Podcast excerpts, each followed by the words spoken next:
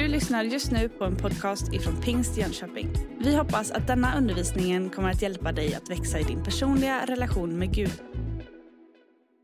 Sommaren, den är en tid när vi kan njuta av färska bär och grönsaker och frukt som växer fram. Och allt det där synliga är ett resultat av att det sker någonting osynligt. Det pulserar av liv. Och så får vi njuta av allt sånt här. När Jesus skulle lämna sina lärjungar efter att de hade levt tillsammans under tre och intensiva år så talade han med dem om att deras liv skulle bära frukt. Vi människor är faktiskt kallade att bära frukt, frukt som består. Och den goda frukten i våra liv, den kommer ifrån vår relation, vårt inre liv med Jesus Kristus. När de hade ätit den sista måltiden tillsammans, Jesus och hans lärjungar, och var på väg till Getsemane så passerade de förmodligen en vingård och Jesus stannade upp där tillsammans med sina lärjungar och så började han undervisa dem om det som de hade framför sig. Och så står det så här i Johannes evangeliet kapitel 15 och vi läser från vers 1 till och med 17. Jesus sa, jag är den sanna vinstocken och min fader är vinodlaren. Varje gren i mig som inte bär frukt skär han bort och varje gren som bär frukt ansar han så att den bär mer frukt. Ni är redan ansade genom ordet som jag har förkunnat för er. Bli kvar i mig, så blir jag kvar i er. Liksom grenen inte kan bära frukt av sig själv om den inte sitter kvar på vinstocken, kan inte heller ni göra det om ni inte är kvar i mig. Jag är vinstocken, ni är grenarna. Om någon är kvar i mig och jag i honom bär han rik frukt. Utan mig kan ni ingenting göra. Den som är kvar i mig, den som inte är kvar i mig blir som grenen som kastas bort och vissnar. De samlas ihop och läggs på elden och bränns upp. Om ni blir kvar i mig och mina ord blir kvar i er, så be om vad ni vill och ni ska få det. Min fader förhärligas när ni bär rik frukt och blir mina lärjungar. Liksom Fadern har älskat mig så har jag älskat er. Bli kvar i min kärlek. Om ni håller mina bud blir ni kvar i min kärlek, så som jag har hållit min faders bud och är kvar i hans kärlek. Detta har jag sagt er för att min glädje ska vara i er och er glädje blir fullkomlig. Mitt bud är detta, att ni ska älska varandra så som jag har älskat er. Ingen har större kärlek än den som ger sitt liv för sina vänner och ni är mina vänner om ni gör vad jag befaller er. Jag kallar er vänner därför att jag har låtit er veta allt vad jag har hört om min fader. Ni har inte utvalt mig, utan jag har utvalt er och bestämt er till att gå ut i världen och bära frukt, frukt som består. Och då ska Fadern ge er vad ni än ber honom om i mitt namn. Detta befaller jag er, att ni ska älska varandra. Jesus sa, jag är den sanna vinstocken. Och det här är faktiskt sjunde tillfället just i Johannes evangeliet när Jesus presenterar sig under det här gudsnamnet, jag är. Det som Mose fick höra vid den brinnande busken när Gud sa att han skulle hälsa Israels folk att jag är, hade sänt honom. Här säger Jesus, jag är den sanna vinstocken. Tidigare så har man hört honom säga att jag är livets bröd, jag är världens ljus, jag är dörren, jag är den gode heden, jag är vägen, sanningen och livet och jag är uppståndelsen och livet. Jag är den sanna vinstocken. Ja, Jesus är vinstocken och vi är grenarna, säger den här texten. Grenar som bara kan leva, växa, bära frukt om de lever i förbindelse med vinstocken. Och det handlar ju om för oss att leva i relation med Jesus själv. Att vara kristen, Det handlar inte om ett visst sätt att tänka, följa vissa åsikter eller vissa moraliska regler. Nej, det är ingen religion, utan att, att vara kristen, det handlar om en relation. Det handlar om att leva i livsgemenskap med Jesus, precis som grenarna är djupt förenade i själva vinstocken. Man blir kristen när den här förbindelsen, när den här relationen upprättas. Och man förblir det så länge den här relationen pågår. Jag är den sanna vinstocken och min fader är vinodlaren. Ja, så sa Jesus.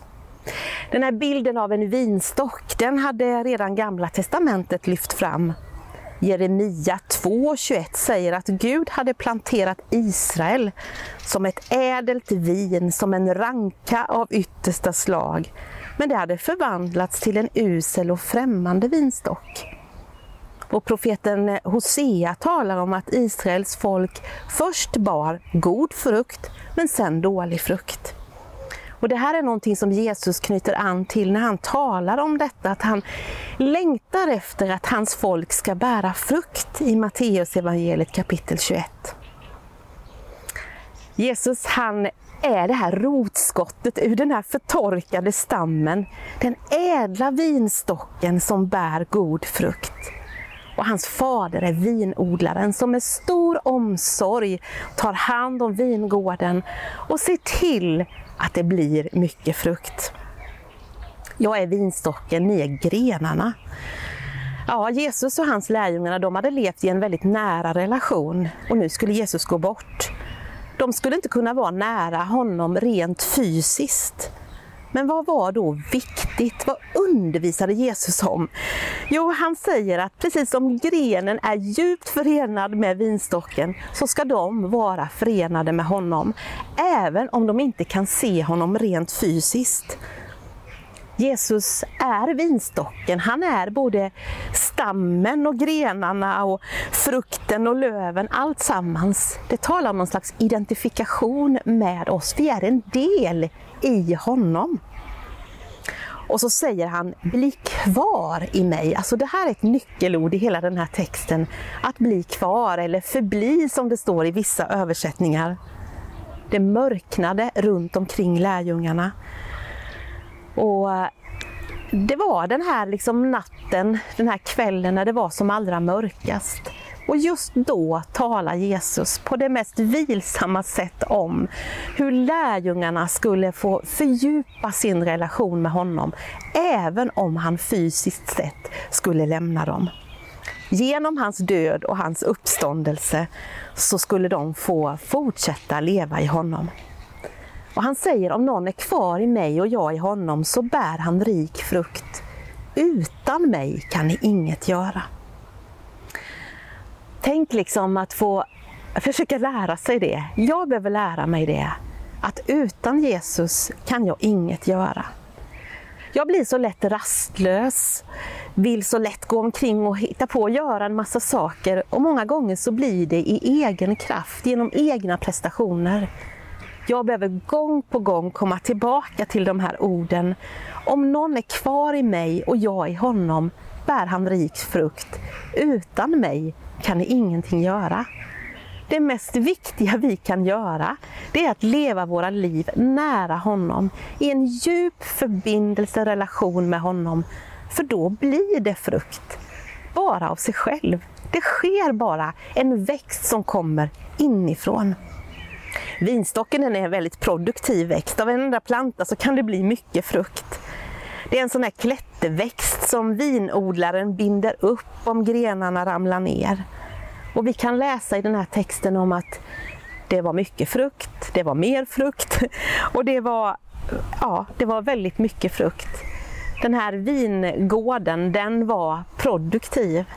Och det är som att våra liv kan också få bära frukt, mycket frukt. Vad är det för frukt som Jesus pratar om? Johannes döparen han är inne på det här området och talar om att han säger så här, bär då sån frukt som tillhör omvändelsen. Och så menar han att när vi vänder om och blir Jesu lärjungar så kommer det att synas och märkas, eller det ska synas och märkas i vårt sätt att vara och leva. Alltså att det blir ett fruktbärande liv. Man brukar ju säga att den man umgås med blir man lik. Umgås man med Jesus så blir man ju allt mer lik honom. Och det är väl det där som eh, Galaterbrevet 5 och 22 tar fram när Galaterbrevet, Paulus skriver där om Andens frukter. Det handlar ju om en karaktär som är Jesu egen karaktär. Det står så här. Andens frukter är kärlek, glädje, frid, tålamod, vänlighet, godhet, trofasthet, ödmjukhet och självbehärskning. Visst låter det gott? Det är nästan som de här frukterna jag visade i början, man blir riktigt sugen. Att få vara nära människor som bär mycket av den här frukten, det är ljuvligt. Människor som är kärleksfulla, fyllda av glädje och frid, tålamod, vänlighet, godhet, trofasthet, ödmjukhet och, och självbehärskning. Vem vill inte vara nära sådana människor? Min erfarenhet är att människor som bär mycket av den här frukten, de vet inte om det själva. Det kan vara människor som eh, går igenom svåra passager i livet men på något sätt har den här djupa förankringen, förbindelsen med Jesus som gör att oavsett hur det ser ut runt omkring så pulserar det här livet och det är mycket godhet och kärlek.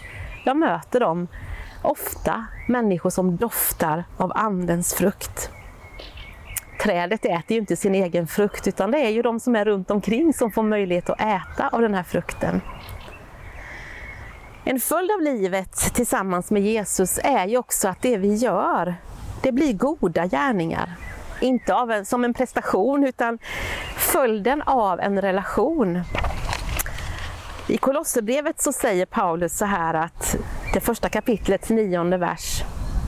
Vår bön är att ni ska fyllas av kunskap om Guds vilja med all andlig vishet och insikt så ni kan leva värdigt Herren och på allt sätt behaga honom med alla slags goda gärningar när ni bär frukt och växer till i kunskapen om Gud.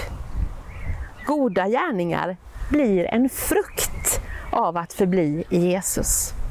Och Jag tycker att det här är så skönt, för livet tillsammans med Jesus handlar inte om våra prestationer, utan det handlar om ett inre liv som får yttre konsekvenser. Jesus talar också om det här med trädet, att frukten på trädet är väldigt viktigt för att kunna känna igen vad det är för träd.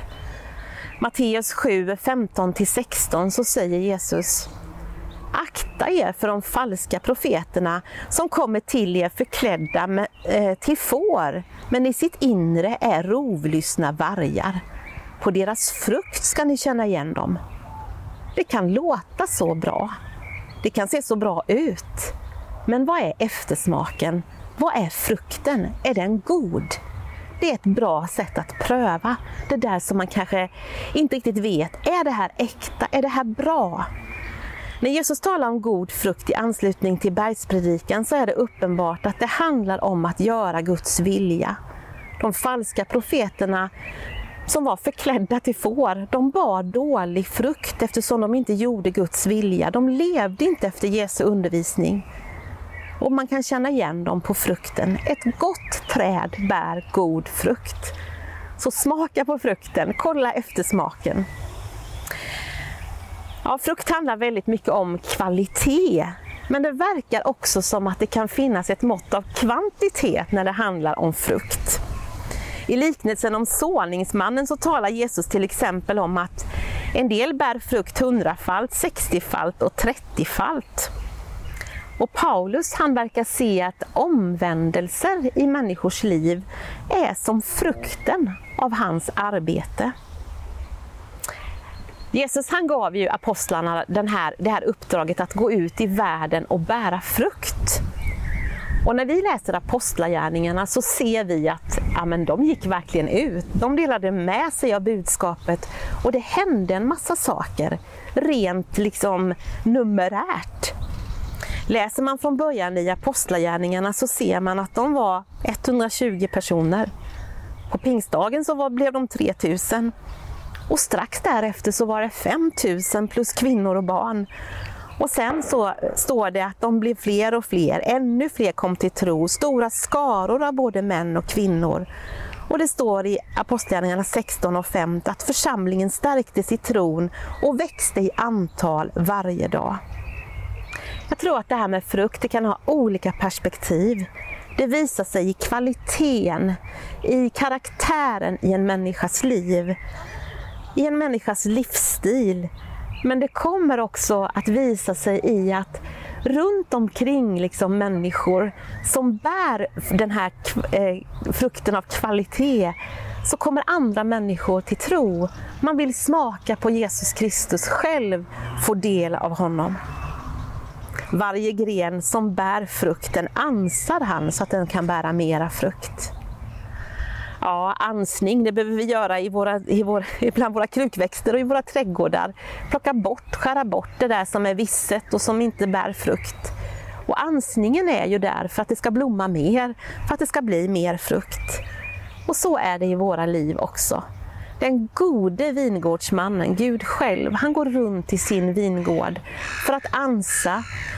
Och när han på något sätt visar oss saker i våra liv som inte riktigt är som det ska vara, så gör han det av en stor kärlek och omsorg för att han ska få ta bort det där, hjälpa oss så att vi kan få bära mer frukt.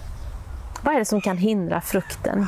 Ja, det kan vara det här med vår egen oförsonlighet, ovilja att förlåta andra människor som har gjort oss illa. Eller bitterhet, eller bekvämlighet, eller självupptagenhet men när den gode vingårdsmannen får röra vid de där områdena så är det, och ansa bort det, så blir det mer frukt i våra liv.